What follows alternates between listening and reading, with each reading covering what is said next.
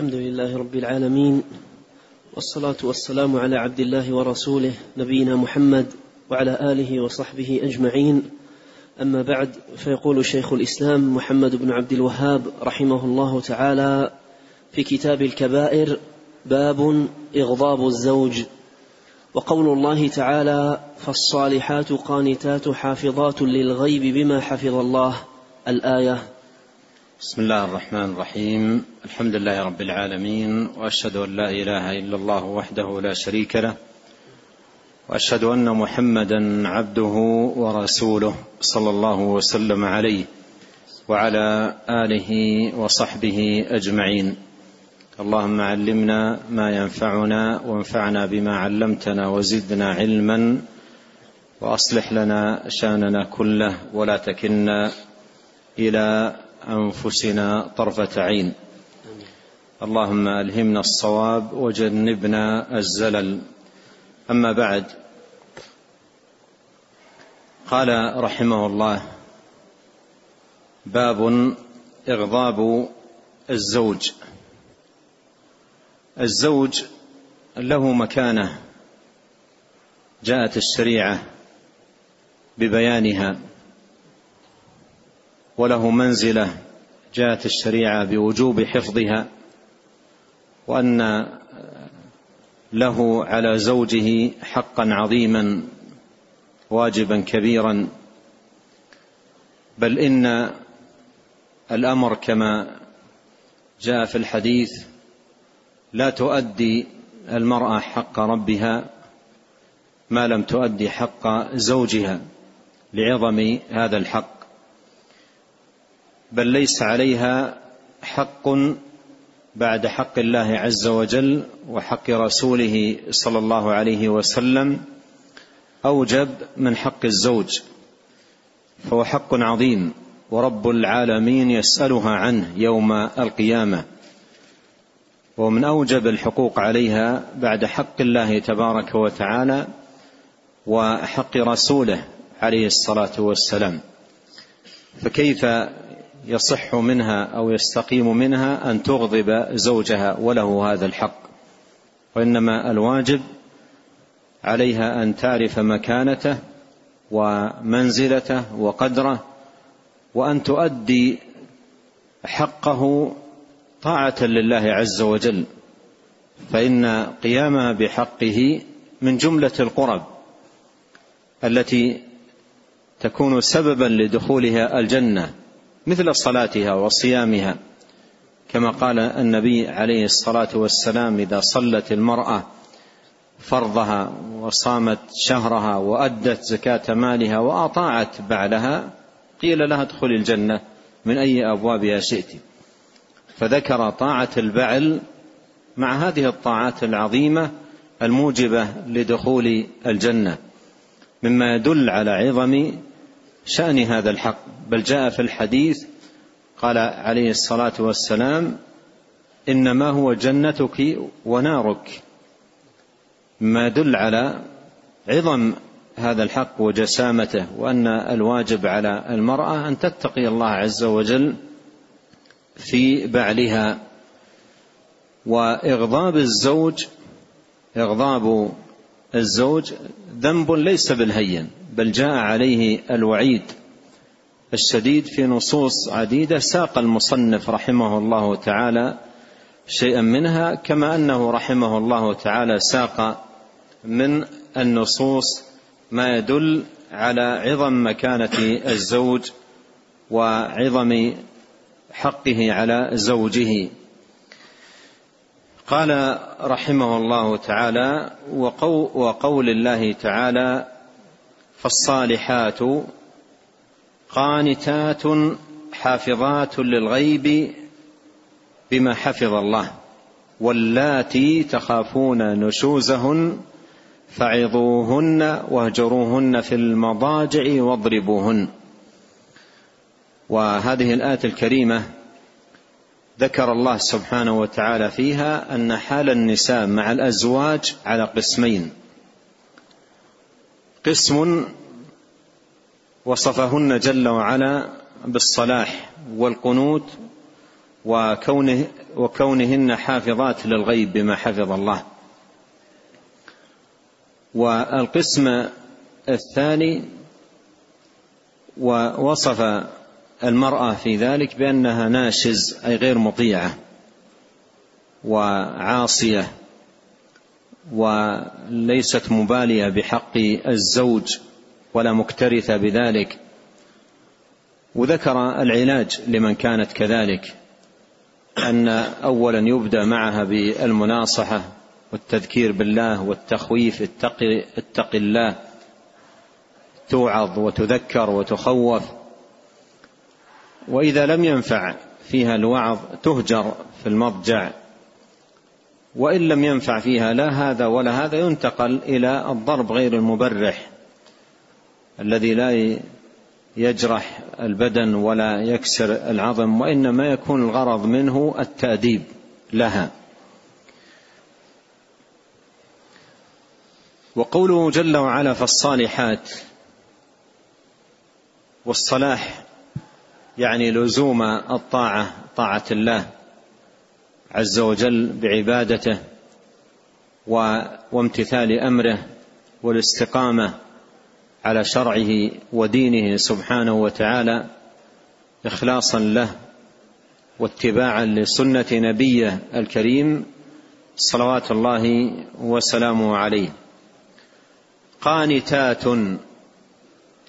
قيل في معنى قانتات أي مداومات على الطاعة. طاعة الله وعبادته لأن القنوت هو المداومة على الطاعة. وقيل في معنى قانتات وهذا المعنى قد جاء عن ابن عباس وغير واحد من السلف أي مطيعات لأزواجهن لأن من معنى القنوت الطاعة. المطيعات لأزواجهن أي دائما هن في طاعة. للأزواج قانتات أي في طاعة دائمة للأزواج بعيدات عن النشوز والعصيان وإغضاب الزوج. وقوله حافظات للغيب بما حفظ الله. حافظات للغيب بما حفظ الله. أي أنها حافظة لزوجها بحيث انها تصون فراشة حافظة لفرجها وحافظة لمال زوجها وحافظة لبيته ولولده. وقوله بما حفظ الله فيه أن هذا بتوفيق الله سبحانه وتعالى وتيسيره ومعونته جل وعلا وأن المرأة لا تكون في شيء من ذلك إلا إذا أعانها الله سبحانه وتعالى ووفقها وسددها. نعم. قال رحمه الله تعالى عن أبي هريرة رضي الله عنه مرفوعا والذي نفسي بيده ما من رجل يدعو امرأته إلى فراشه فتأبى عليه إلا كان الذي في السماء ساخطا عليها حتى يرضى عنها زوجها. وفي رواية إلا لعنتها الملائكة حتى تصبح أخرجاه. قال عن أبي هريرة رضي الله عنه مرفوعا إلى النبي صلى الله عليه وسلم والذي نفسي بيده يقسم صلوات الله وسلامه وبركاته عليه بالله رب العالمين. ما من رجل يدعو امرأته إلى فراشه أي لقضاء وطره وشهوته فتابى عليه إلا كان الذي في السماء ساخطا عليها حتى يرضى عنها زوجها. وجاء في بعض آه، الروايات أن النبي صلى الله عليه وسلم وباتت وزوجها عليها غضبان. وباتت وزوجها عليها غضبان. وأما إذا عذرها وسامحها ولم يبت غضبانا عليها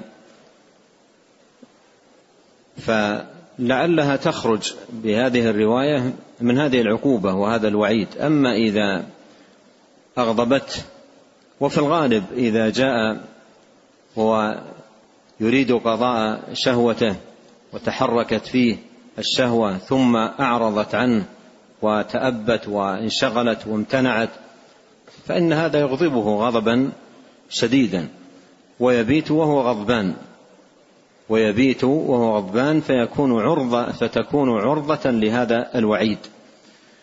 وذكر هنا سخط الله وذكر في الرواية الثانية لعن الملائكة والسخط واللعن لا يكون إلا في الكبائر. أي أنها تبيت ليلتها تلك على كبيرة. استحقت بها سخط الرب سبحانه وتعالى. واستحقت بها اللعنة من الملائكة حتى تصبح. وهذا لا يكون إلا فيما هو كبير. لا يكون إلا فيما هو كبير. قال إلا كان الذي في السماء ساخطا عليها حتى يرضى عنها زوجها. ولاحظ أيضا هذا القيد حتى يرضى عنها زوجها. إن كان الزوج سامح ورضي من أول الأمر وعفى عنها فلعل ذلك تسلم به من هذه العقوبة. وإن بات وهو غضبان فإن سخط الله عليها حتى يرضى الزوج. ولعنت الملائكة كما في الرواية عليها حتى تصبح. وتقييد هذا بالليل باعتبار أن الحاجة إلى هذا الأمر في الغالب تكون في الليل. في الغالب تكون في الليل. لكن لو قدر أنه احتاج زوجته في النهار لهذا الأمر وامتنعت استحقت هذا السخط واستحقت هذا اللعن من الملائكة ما دام زوجها غضبانا عليها حتى يرضى عنها زوجها. لكن ذكر الليل هنا باعتبار أنه الغالب أن هذا الأمر تكون الحاجة إليه أو الرابة فيه في الليل غالبا. وقوله إلا كان الذي في السماء هذا فيه إثبات العلو لله سبحانه وتعالى على خلقه كقوله جل وعلا أأمنتم من في السماء؟ ومعنى في السماء أي في العلو. وإن أريد لأن السماء تارة تطلق ويراد بها المبنية والسماء بنيناها بأيد هذه سمعناها اليوم في صلاة الفجر والسماء بنيناها بأيد. تارة تطلق ويراد بها المبنية السماوات السبع. وتارة تطلق ويراد بها مطلق العلو أنزل من السماء ماء أي من العلو. لأن المطر ينزل من السحاب. والسحاب ليس في السماء المبنية وإنما في السماء الذي هو العلو. فإذا أريد بالسماء المبنية فإن في بمعنى على. أأمنتم من في السماء؟ هنا إلا الذي كان في السماء أي على السماء. وإن أريد بالسماء مطلق العلو ففي على بابها. وكما قدمت ذكر السخط. سخط الرب سبحانه وتعالى وذكر لعنة الملائكة كما في الرواية الأخرى دليل على أن هذا الصنيع من المرأة إذا وجد معدود في كبائر الذنوب. نعم. قال رحمه الله تعالى وعنه مرفوعا لو كنت آمرا أحدا أن يسجد لأحد لأمرت المرأة أن تسجد لزوجها صححه الترمذي. قال وعنه أي عن أبي هريرة رضي الله عنه مرفوعا إلى النبي صلى الله عليه وسلم أنه قال لو كنت آمرا أحدا أن يسجد لأحد لأمرت المرأة أن تسجد أن تسجد لزوجها. وهذا فيه تبيان لعظم حق الزوج على زوجه. وقال ذلك عليه الصلاة والسلام على إثر مجيء أحد الصحابة وسجوده للنبي عليه الصلاة والسلام لأنه رأى الناس في الشام يسجدون للأساقفة فجاء وسجد للنبي صلى الله عليه وسلم فنهاه عن ذلك. نهاه عن ذلك عليه الصلاة والسلام لو كنت آمرا أحدا أن يسجد لأحد لأمرت المرأة أن تسجد لزوجها. بيانا لحق الزوج. ولكن نهى عن ذلك عليه الصلاة والسلام وإن كان هذا سائغ عند من قبلنا وهو سجود تحية وليس سجود عبادة خروا له سجدا. هذا السجود تحية وليس سجود عبادة. تحية مثل مد اليد للمصافحة ومثل المعانقة. هذا كله تحية. والسجود هنا في, في هذا الحديث لو كنت آمرا أحدا أن يسجد لأحد السجود هنا تحية ليس سجود عبادة. ومن قال إن السجود هنا المراد به سجود العبادة أبعد الفهم أبعد تماما الفهم. لا يمكن أن يقول النبي صلى الله عليه وسلم لو كنت آمرا أحدا أن يسجد أي, أي عبادة لأحد لأمرت المرأة أن تسجد لزوجها. لا يمكن أن يقول ذلك. وإنما المراد بالسجود هنا سجود التحية. سجود التحية مثل المصافحة ومثل المعانقة يسجد أي تحية لمن سجد له. أما أن يكون المراد يسجد أي عبادة ما يمكن أن يكون النبي صلى الله عليه وسلم يقول ذلك. يعني لو كنت آمرا أن يس... أحدا أن يسجد لأحد أي سجود عبادة. لأمرت المرأة أن تسجد لزوجها لا يمكن أبدا أن يكون النبي صلى الله عليه وسلم يقول ذلك. وإنما المراد بالسجود هنا سجود التحية.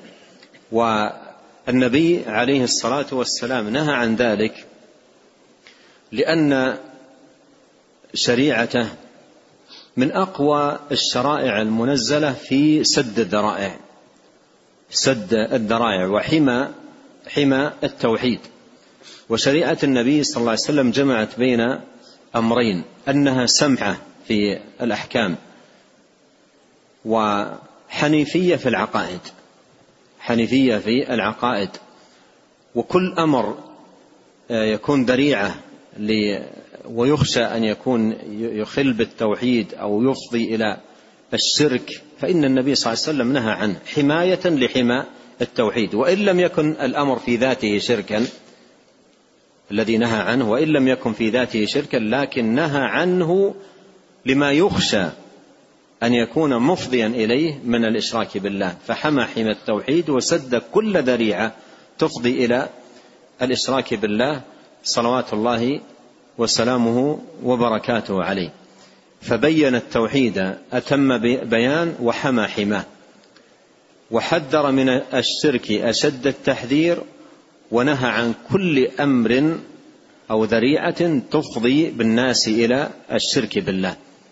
ونهيه عن هذا السجود سجود التحية هو نهي عن أمر في النهي عنه حماية لحمى التوحيد وسد لذريعة من الذرائع التي آه، قد تفضي بالناس إلى الإشراك بالله سبحانه وتعالى. والشاهد من هذا الحديث عظم حق الزوج عظم حق الزوج وعظم ما ما له من حق على زوجه حتى إن النبي صلى الله عليه وسلم قال في بيان عظم هذا الحق لو كنت امرا احدا أن يسجد لأحد لأمرت المرأة أن تسجد لزوجها.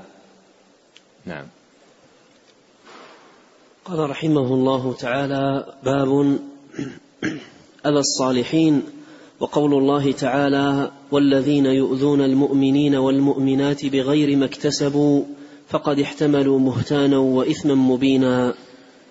قال باب أذى الصالحين. أذى الصالحين أي أن ذلك من الكبائر. والصالحون هم من عرفوا بين الناس باستقامتهم على طاعة الله. يحافظون على الصلوات الخمس. يحرصون على المكث في المساجد ذكر الله قراءة القرآن الصيام العبادة. لا يعرف منهم دخول في آه، الذنوب والكبائر والآثام حافظا لوقته. يعرفه الناس بذلك. والحكم إنما هو على ظاهر الإنسان. الحكم إنما هو على ظاهر الإنسان. باطنه بينه وبين الله سبحانه وتعالى لكن من استقام ظاهره فهو من الصالحين. من الصالحين أي فيما يظهر للناس. وأما السريرة هذه بينه وبين الله سبحانه وتعالى ولنا الظاهر والله يتولى السرائر. لكن إذا عرف الرجل استقامته وعبادته ومحافظه على بيوت الله والصلاة فيها وعنايته بذكر الله وقراءة القرآن ونحو ذلك من المعاني ولا يعرف عنه الدخول في الكبائر والذنوب والمعاصي وحافظ لي. هذا حقه عظيم جدا على الناس من الاحترام والتوقير والمعرفة بقدره ومكانته. فكيف يصل الأمر ب آه، بأحد أن أن يؤذي الصالح؟ إما استهزاء أو ذم ذما أو وقيعة أو تهكما أو سخرية. ولا يكون الاستهزاء بالصالحين إلا من الفسقة. لا يكون إلا من الفسقة. هم الذين يعبث الشيطان بعقولهم إلى أن يكونوا كذلك يهزؤون بالصالحين. ويسخرون منهم. إن الذين أجرموا كانوا من الذين آمنوا يضحكون وإذا مروا بهم يتغامزون وإذا انقلبوا إلى أهلهم انقلبوا فكهين. فلا يكون مثل ذلك إلا من الفسقة وإلا الصالح له مكانة وله احترام وله قدر ومنزلة في القلوب. أورد رحمه الله تعالى قول الله عز وجل والذين يؤذون المؤمنين والمؤمنات بغير ما اكتسبوا. يؤذونهم هذا يتناول كل نوع من الأذى سواء كان أذى قوليا أو أذى فعليا. المؤمنين والمؤمنات أي من عرفوا بالصلاح والاستقامة والعناية عبادة الله بغير ما اكتسبوا أي بغير جرم ارتكبوه وبغير ذنب اقترفوه بغير ما اكتسبوا. فقد احتملوا بهتانا وإثما مبينا. احتملوا أي على ظهورهم. ذنب عظيم وإثم كبير. حملوه على ظهورهم بهذا البهتان الذي كان منهم بوقيعتهم وسخريتهم و استهزائهم وتهكمهم بالصالحين. يقول الحافظ ابن كثير رحمه الله له كلام جميل جدا. في تفسير هذه الآية الكريمة من سورة الأحزاب يقول رحمه الله تعالى وقوله والذين يؤذون المؤمنين والمؤمنات بغير ما اكتسبوا أي ينسبون إليهم ما هم براء منه لم يعملوه ولم يفعلوه فقد احتملوا بهتانا وإثما مبينا. وهذا البهت البين وهذا البهت البين مثل ما قال الله احتملوا بهتانا وإثما مبينا. قال وهذا البهت البين أن يحكي أو ينقل عن المؤمنين والمؤمنات ما لم يفعلوه. وهذا البهت البين أن يحكي أي حقيقته أن يحكي أو ينقل عن المؤمنين والمؤمنات ما لم يفعلوه على سبيل العيب والتنقص لهم.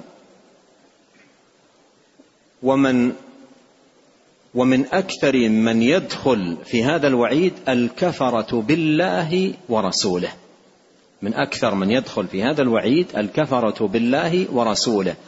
ثم الرافضة الذين ينتقصون الصحابة. الذين ينتقصون الصحابة ويعيبونهم بما قد برأهم الله منه. ويصفونهم بنقيض ما أخبر الله عنهم. فإن الله عز وجل قد أخبر أنه قد رضي عن المهاجرين والأنصار ومدحهم وهؤلاء الجهلة الأغبياء يسبونهم وينتقصونهم ويذكرون عنهم ما لم يكن ولا فعلوه ابدا. فهم في الحقيقة منكوسو القلوب. فهم في الحقيقة منكوسو القلوب. يذمون الممدوحين ويمدحون المذمومين. انتهى كلامه رحمه الله تعالى. نعم. قال رحمه الله تعالى عن أبي هريره عن أبي هبيرة رضي الله عنه أن أبا سفيان أتى على سلمان وصهيب وبلال في نفر فقالوا ما أخذت سيوف الله ما أخذها من عنق عدو الله؟ فقال أبو بكر أتقولون هذا لشيخ قريش وسيدهم؟ فأتى النبي صلى الله عليه وسلم فأخبره فقال يا أبا بكر لعلك أغضبتهم. لئن كنت أغضبتهم فقد أغضبت ربك. فقال يا إخوتاه لعلي أغضبتكم. فقالوا لا يغفر الله لك يا أخي رواه مسلم. قال رحمه الله تعالى وعن أبي جبير رضي الله عنه أن أبا سفيان أتى على سلمان وصهيب وبلال في نفر أي في نفر كانوا معهم. أتى أي مر مر على هؤلاء سلمان وصهيب وبلال. وكان هذا المجيء لأبي سفيان قبل إسلامه. كان هذا المجيء لأبي سفيان قبل إسلامه وهو كافر في الهدنة التي كانت بعد صلح الحديبية. التي كانت بعد صلح الحديبية وهو إنما أسلم عام الفتح. ففي فترة الهدنة أتى أبو سفيان على على سلمان وصهيب وبلال. وهؤلاء الثلاثة كلهم من الموالي. هؤلاء الثلاثة كلهم من الموالي. سلمان الفارسي وصهيب الرومي وبلال الحبشي. فأتى عليهم في نفر أي في نفر كان معهم. ومعلوم أن هؤلاء الكبار من كبار قريش كانوا شديدي الأذى للمسلمين وخاصة لضعفة المسلمين. لضعفة المسلمين ونالوا من هؤلاء أذى عظيما. فلما مر بهم سفيان وقت كوني كافرا قالوا هذه الكلمة. قالوا ما أخذت سيوف الله؟ ما أخذها من من عنق عدو الله. ما أخذت سيوف الله؟ ما أخذها من عدو الله. أي لم تستوفي سيوف الله حقها ونصيبها من عنق عدو الله أي من عرف بالعداوة بأقواله وفعاله وشدته. ما أخذت سيوف الله حقها أي حظها ونصيبها لم تستوفي. بمعنى بقيت رؤوس لكبار من أعداء الله تبارك ومثل هذا الكلام يقولونه كنوع من التنفيس والغضب وقد مر بهم هذا الرأس من رؤوس الكفار وكان ذلك كما قدمت قبل إسلامه. كان ذلك قبل إسلامه في فترة الهدنة. فقال أبو بكر قد سمعهم يقولون ذلك أتقولون هذا لشيخ قريش وسيدهم؟ أتقولون هذا لشيخ قريش وسيدهم؟ يعني تقولون هذا لشخص هذه مكانته؟ ولعل أبو بكر رضي الله عنه وأرضاه. قال هذه الكلمة تأليفا لقلب سفيان تأليفا لقلبه واستدراجا له لعله يقبل على هذا الدين لما يسمع مثل هذه الكلمات التي آه، قد تدخل للقلب شيء مثلا من الراحة أو الرغبة أو فلعله قال ذلك تأليفا لقلبه. قال أتقولون هذا للشيخ قريش وسيدهم؟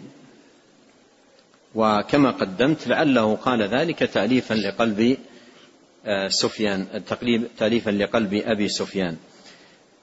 فأتى النبي صلى الله عليه وسلم فأخبره.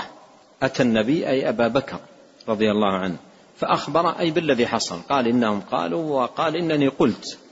ذكر لهم قول آه، ذكر له قول سلمان وصهيب وبلال في حق أبي سفيان وذكر جوابه أو كلامه الذي قاله فأخبره فقال يا أبا بكر لعلك أغضبتهم.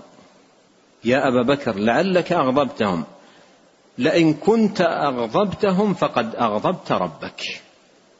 لئن كنت أغضبتهم أي سلمان وصهيب وبلال إن كنت أغضبتهم أغضبت ربك. هنا قف قف تأمل مليا. الذي قال هذه الكلمة الذي قال هذه الكلمة لو نظرت فيها مقارنة بكلمات كثيرة من التي تأتي على ألسن كثير من الناس في حق عدد من الصالحين ما تقارن بهذه الكلمة. ما تقارن. ولعل أبو بكر قال هذه مثل ما قدمت تأليفا لهذا الرجل. لعل الله سبحانه وتعالى يشرح صدره بسماع مثل هذا الكلام للإسلام. ومع ذلك قال النبي صلى الله عليه وسلم لأبي بكر لعلك أغضبتهم لئن كنت أغضبتهم فقد أغضبت ربك. وهذا موضع الشاهد من الحديث هنا في هذه الترجمة لئن كنت أغضبتهم فقد أغضبت ربك. فأي جناية تكون عندما يكون الإنسان يؤذي الصالحين؟ إذا كان النبي صلى الله عليه وسلم قال في حق خير الأمة حق خير الأمة أبو بكر في مكانته العظيمة ومنزلته العلية عندما قال هذه الكلمة وهو إنما قالها في الغالب تأليفا لقلب أبي سفيان ليس له غرض في إغضاب هؤلاء. وليس له غرض في أذى هؤلاء وليس له تقصد في أذى هؤلاء. الصالحين سلمان وبلال وصهيب ليس له غرض في ذلك وإنما قالها لما سمعهم يقولون هذه الكلمة تأليفا لقلب ذلك الرجل. ليس له غرض في أن يغضب هؤلاء أو أن يسيء إليهم. ومع ذلك قال له النبي عليه الصلاة والسلام إن كنت أغضبتهم فقد أغضبت ربك. إن كنت أغضبتهم فقد أغضبت ربك. إذا كان النبي صلى الله عليه وسلم قال يا بكر هذه الكلمة مع ما ذكرت من أمور سبقت فكيف بمن يتقصد أذى الصالحين؟ وتكون كلماته صريحة في أذاهم والطعن فيهم وسبهم وشتمهم والاستهزاء بهم.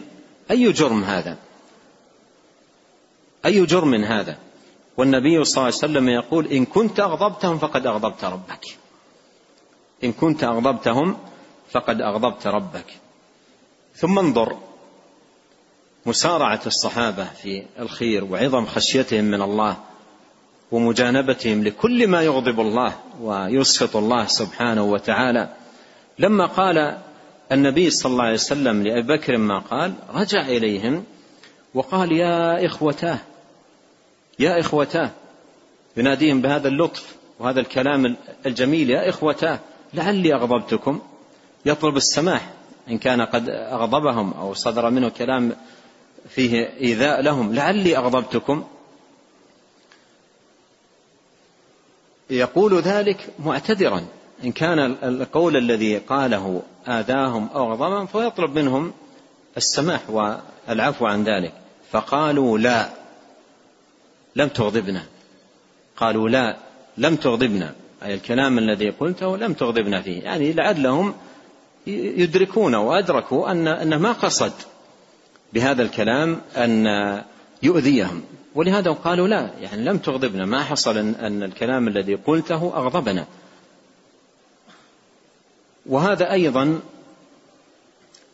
يبين المكانة التي كان عليها هؤلاء في حمل الكلام على أحسن محمل. أحيانا الإنسان يسمع الكلام فيحمله على أسوأ محمل وإذا حمله على أحسن محمل والتمس له يعني فترتاح نفسه ولا ولا يكون فيها الغضب. قالوا لا يعني لا لم تغضبنا لم تغضبنا.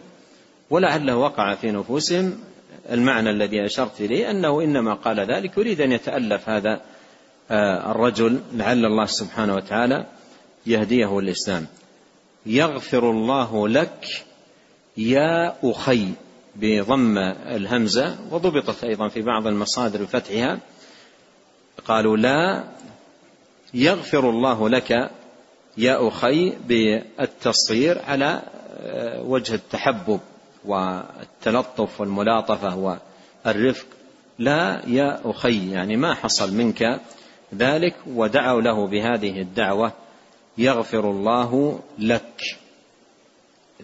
قالوا لا يغفر الله لك. ولو قرأت بهذه الجملة بالوصل تكون صورتها نفي المغفرة. لو قرأت بالوصل لا يغفر الله لك لو قرأت بالوصل لا يغفر الله لك تكون صورتها نفي المغفرة وليس الدعاء بالمغفرة وإنما نفي المغفرة. لكن إذا قال لا يعني ما ما أغضبتنا لا يغفر الله لك. ما يصلها لأن وصلها تكون فيه صورة الكلمة دعاء بنفي المغفرة لا بحصول المغفرة. فقالوا لا. هذا جواب قوله هل أغضبتكم؟ قالوا لا أي لم تغضبنا. ثم أتبعوا ذلك بالدعاء يغفر الله لك. ثم أتبعوا ذلك بالتلطف في الخطاب بقولهم يا أخي. وينقل عن أبي بكر رضي الله عنه أنه أنه كان ينهى عن مثل هذا يعني أن أن تكون أداة النفي مسبوقة بالدعاء. مثل أن يقول الإنسان يسأله هل فعلت شيئا؟ هل فعلت الشيء الفلاني؟ يقول لا عافاك الله. هل أديت الأمر فلان؟ لا رحمك الله. هل كذا؟ لا غفر الله لك. صورة الكلمة صورة الكلمة أنه ينفي عنها أن يغفر الله له أو أن يرحم أو أن أن يعافيه. فينقل عنه أنه قال قل عافاك الله لا تزد قل عافاك الله ينقل عن أبي بكر أنه يقول قل عافاك الله لا تزد وبعض أهل العلم يقول إذا كان ولا بد فيضيف الواو مثلا يقول لا ويغفر الله لك لا ويرحمك الله لا ويعافيك الله. لكن أيضا قول هؤلاء الأجلة رضي الله عنهم يفيد أن المرء إن قال هذه الكلمة ولم يأتي بها موصولة لا غفر الله لك لا رحمك الله لم يأتي بها موصولة هكذا وإنما قال لا أجاب على السؤال وأتبع الإجابة على السؤال بسكتة تفصل بين الإجابة على السؤال ثم الدعاء الذي بعده. كان يقول مثل ما في هذا الجملة التي أمامنا لا أي لم لم تغضبنا لا يغفر الله لك يا أخي. لا يغفر الله لك يا أخي. هذا واضح أن بنطقها بهذه الطريقة واضح الفصل بين النفي للعائد لما سبق والدعاء الذي أتبع بعد هذا النفي. الشاهد أن إغضاب الصالحين أمر ليس بالهين. إغضاب الصالحين أمر ليس بالهين ومن يتأمل في هذه القصة يجد فيها أعظم عبرة. ها هو صديق الأمة خيرها أفضلها. بعد آه، النبي عليه الصلاة والسلام بل هو أفضل الناس بعد الأنبياء رضي الله عنه وأرضاه. ومع ذلك قال له النبي صلى الله عليه وسلم إن كنت أغضبتهم فقد أغضبت ربك. فإغضاب الصالحين أمر ليس بالهين أبدا. أمر ليس بالهين والواجب على العبد أن يتقي الله عز وجل في عباد الله الصالحين لا يغضبهم بأي شيء من الإغضاب ويحرص على إعفاف لسانه وصيانته من أي شيء يكون فيه إغضاب للصالحين. والإيذاء لهم يبتعد عن ذلك أشد البعد ويتقي الله عز وجل في ذلك. ثم إذا كان إنضاف إلى صلاح الرجل حق آخر غير غير إضافة إلى إلى صلاحه مثل أن يكون الصالح أبا أو أما أو جدا. يعني بعض الناس في البيوتات عندهم آباء عباد عندهم آباء عباد لله ما يعرفون إلا بالصلاح والدعاء والذكر وأبنائهم ما يتقون الله فيهم يغضبونهم دائما. ويسمعون آباءهم الكلمات القاسية والكلمات المغضبة والكلمات آه، المزعجة الشيء الكثير. ما يتقون الله سبحانه وتعالى في آبائهم. فإذا كان الإنسان إذا أغضب الصالح أيا كان حتى ولم لم يكن قريبا فقد أغضب الله. فكيف بمن يغضب الصالح إذا كان أباه أو كانت أمه أو قريبا له من خال أو عم أو أو نحو ذلك أو جار هذا أيضا له حق. آخر مر معنا عند المصنف رحمه الله تعالى قريبا. فالشاهد أن إيذاء الصالحين معدود في جملة الكبائر وهو من جملة الأمور التي تغضب الله سبحانه وتعالى وتسخطه جل في علاه. نعم. قال رحمه الله تعالى وللترمذي وحسنه عن أبي بكرة رضي الله عنه مرفوعا من أهان السلطان أهانه الله. قال وللترمذي وحسنه عن أبي بكرة رضي الله عنه مرفوعا أي إلى النبي عليه الصلاة والسلام من أهان السلطان أهانه الله. من أهان السلطان أهانه الله. وإهانة السلطان يراد بها ايذاء السلطان والوقيعه فيه والتقليل من مكانته في نفوس الناس والحرص على إسقاط منزلته في القلوب وتحريض الناس على الافتيات عليه والخروج وعدم السمع والطاعة تقليل من مكانته في القلوب يعمل على ذلك بين الناس فله هذه العقوبة. جزاء وفاقا. أهانه الله. أي كانت عقوبة عند الله عز وجل أن يهينه. لأن السلطان الواجب أن يجمع الناس عليه. أن يجمع الناس عليه وأن أن يكون أمر الناس جماعة واحدة مع إمامهم. والنقص إذا وجد يعالج بالطرق الشرعية.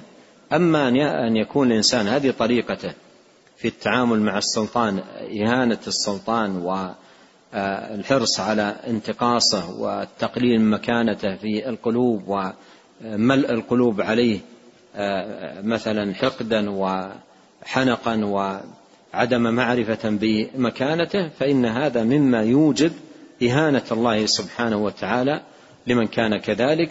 والله يقول ومن يهن الله فما له من مكرم. نسأل الله الكريم رب العرش العظيم أن يتولانا أجمعين بتوفيقه وأن يعمر قلوبنا بالخير وأن يعيذنا من شرور أنفسنا وسيئات أعمالنا ومن شر الشيطان وشركه. وشر كل دابة هو آخذ بناصيتها.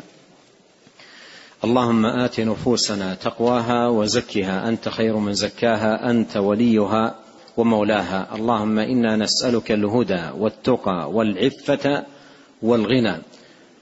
اللهم اهدنا إليك صراطا مستقيما. اللهم أصلح لنا ديننا الذي هو عصمة أمرنا وأصلح لنا دنيانا التي فيها معاشنا. وأصلح لنا آخرتنا التي فيها معادنا واجعل الحياة زيادة لنا في كل خير والموت راحة لنا من كل شر. اللهم اغفر لنا ولوالدينا ولمشايخنا وللمسلمين والمسلمات والمؤمنين والمؤمنات الأحياء منهم والأموات. اللهم اقسم لنا من خشيتك ما يحول بيننا وبين معاصيك ومن طاعتك ما تبلغنا به جنتك ومن اليقين ما تهون به علينا مصائب الدنيا. اللهم متعنا بأسماعنا وأبصارنا وقوتنا ما أحييتنا واجعله الوارث منا.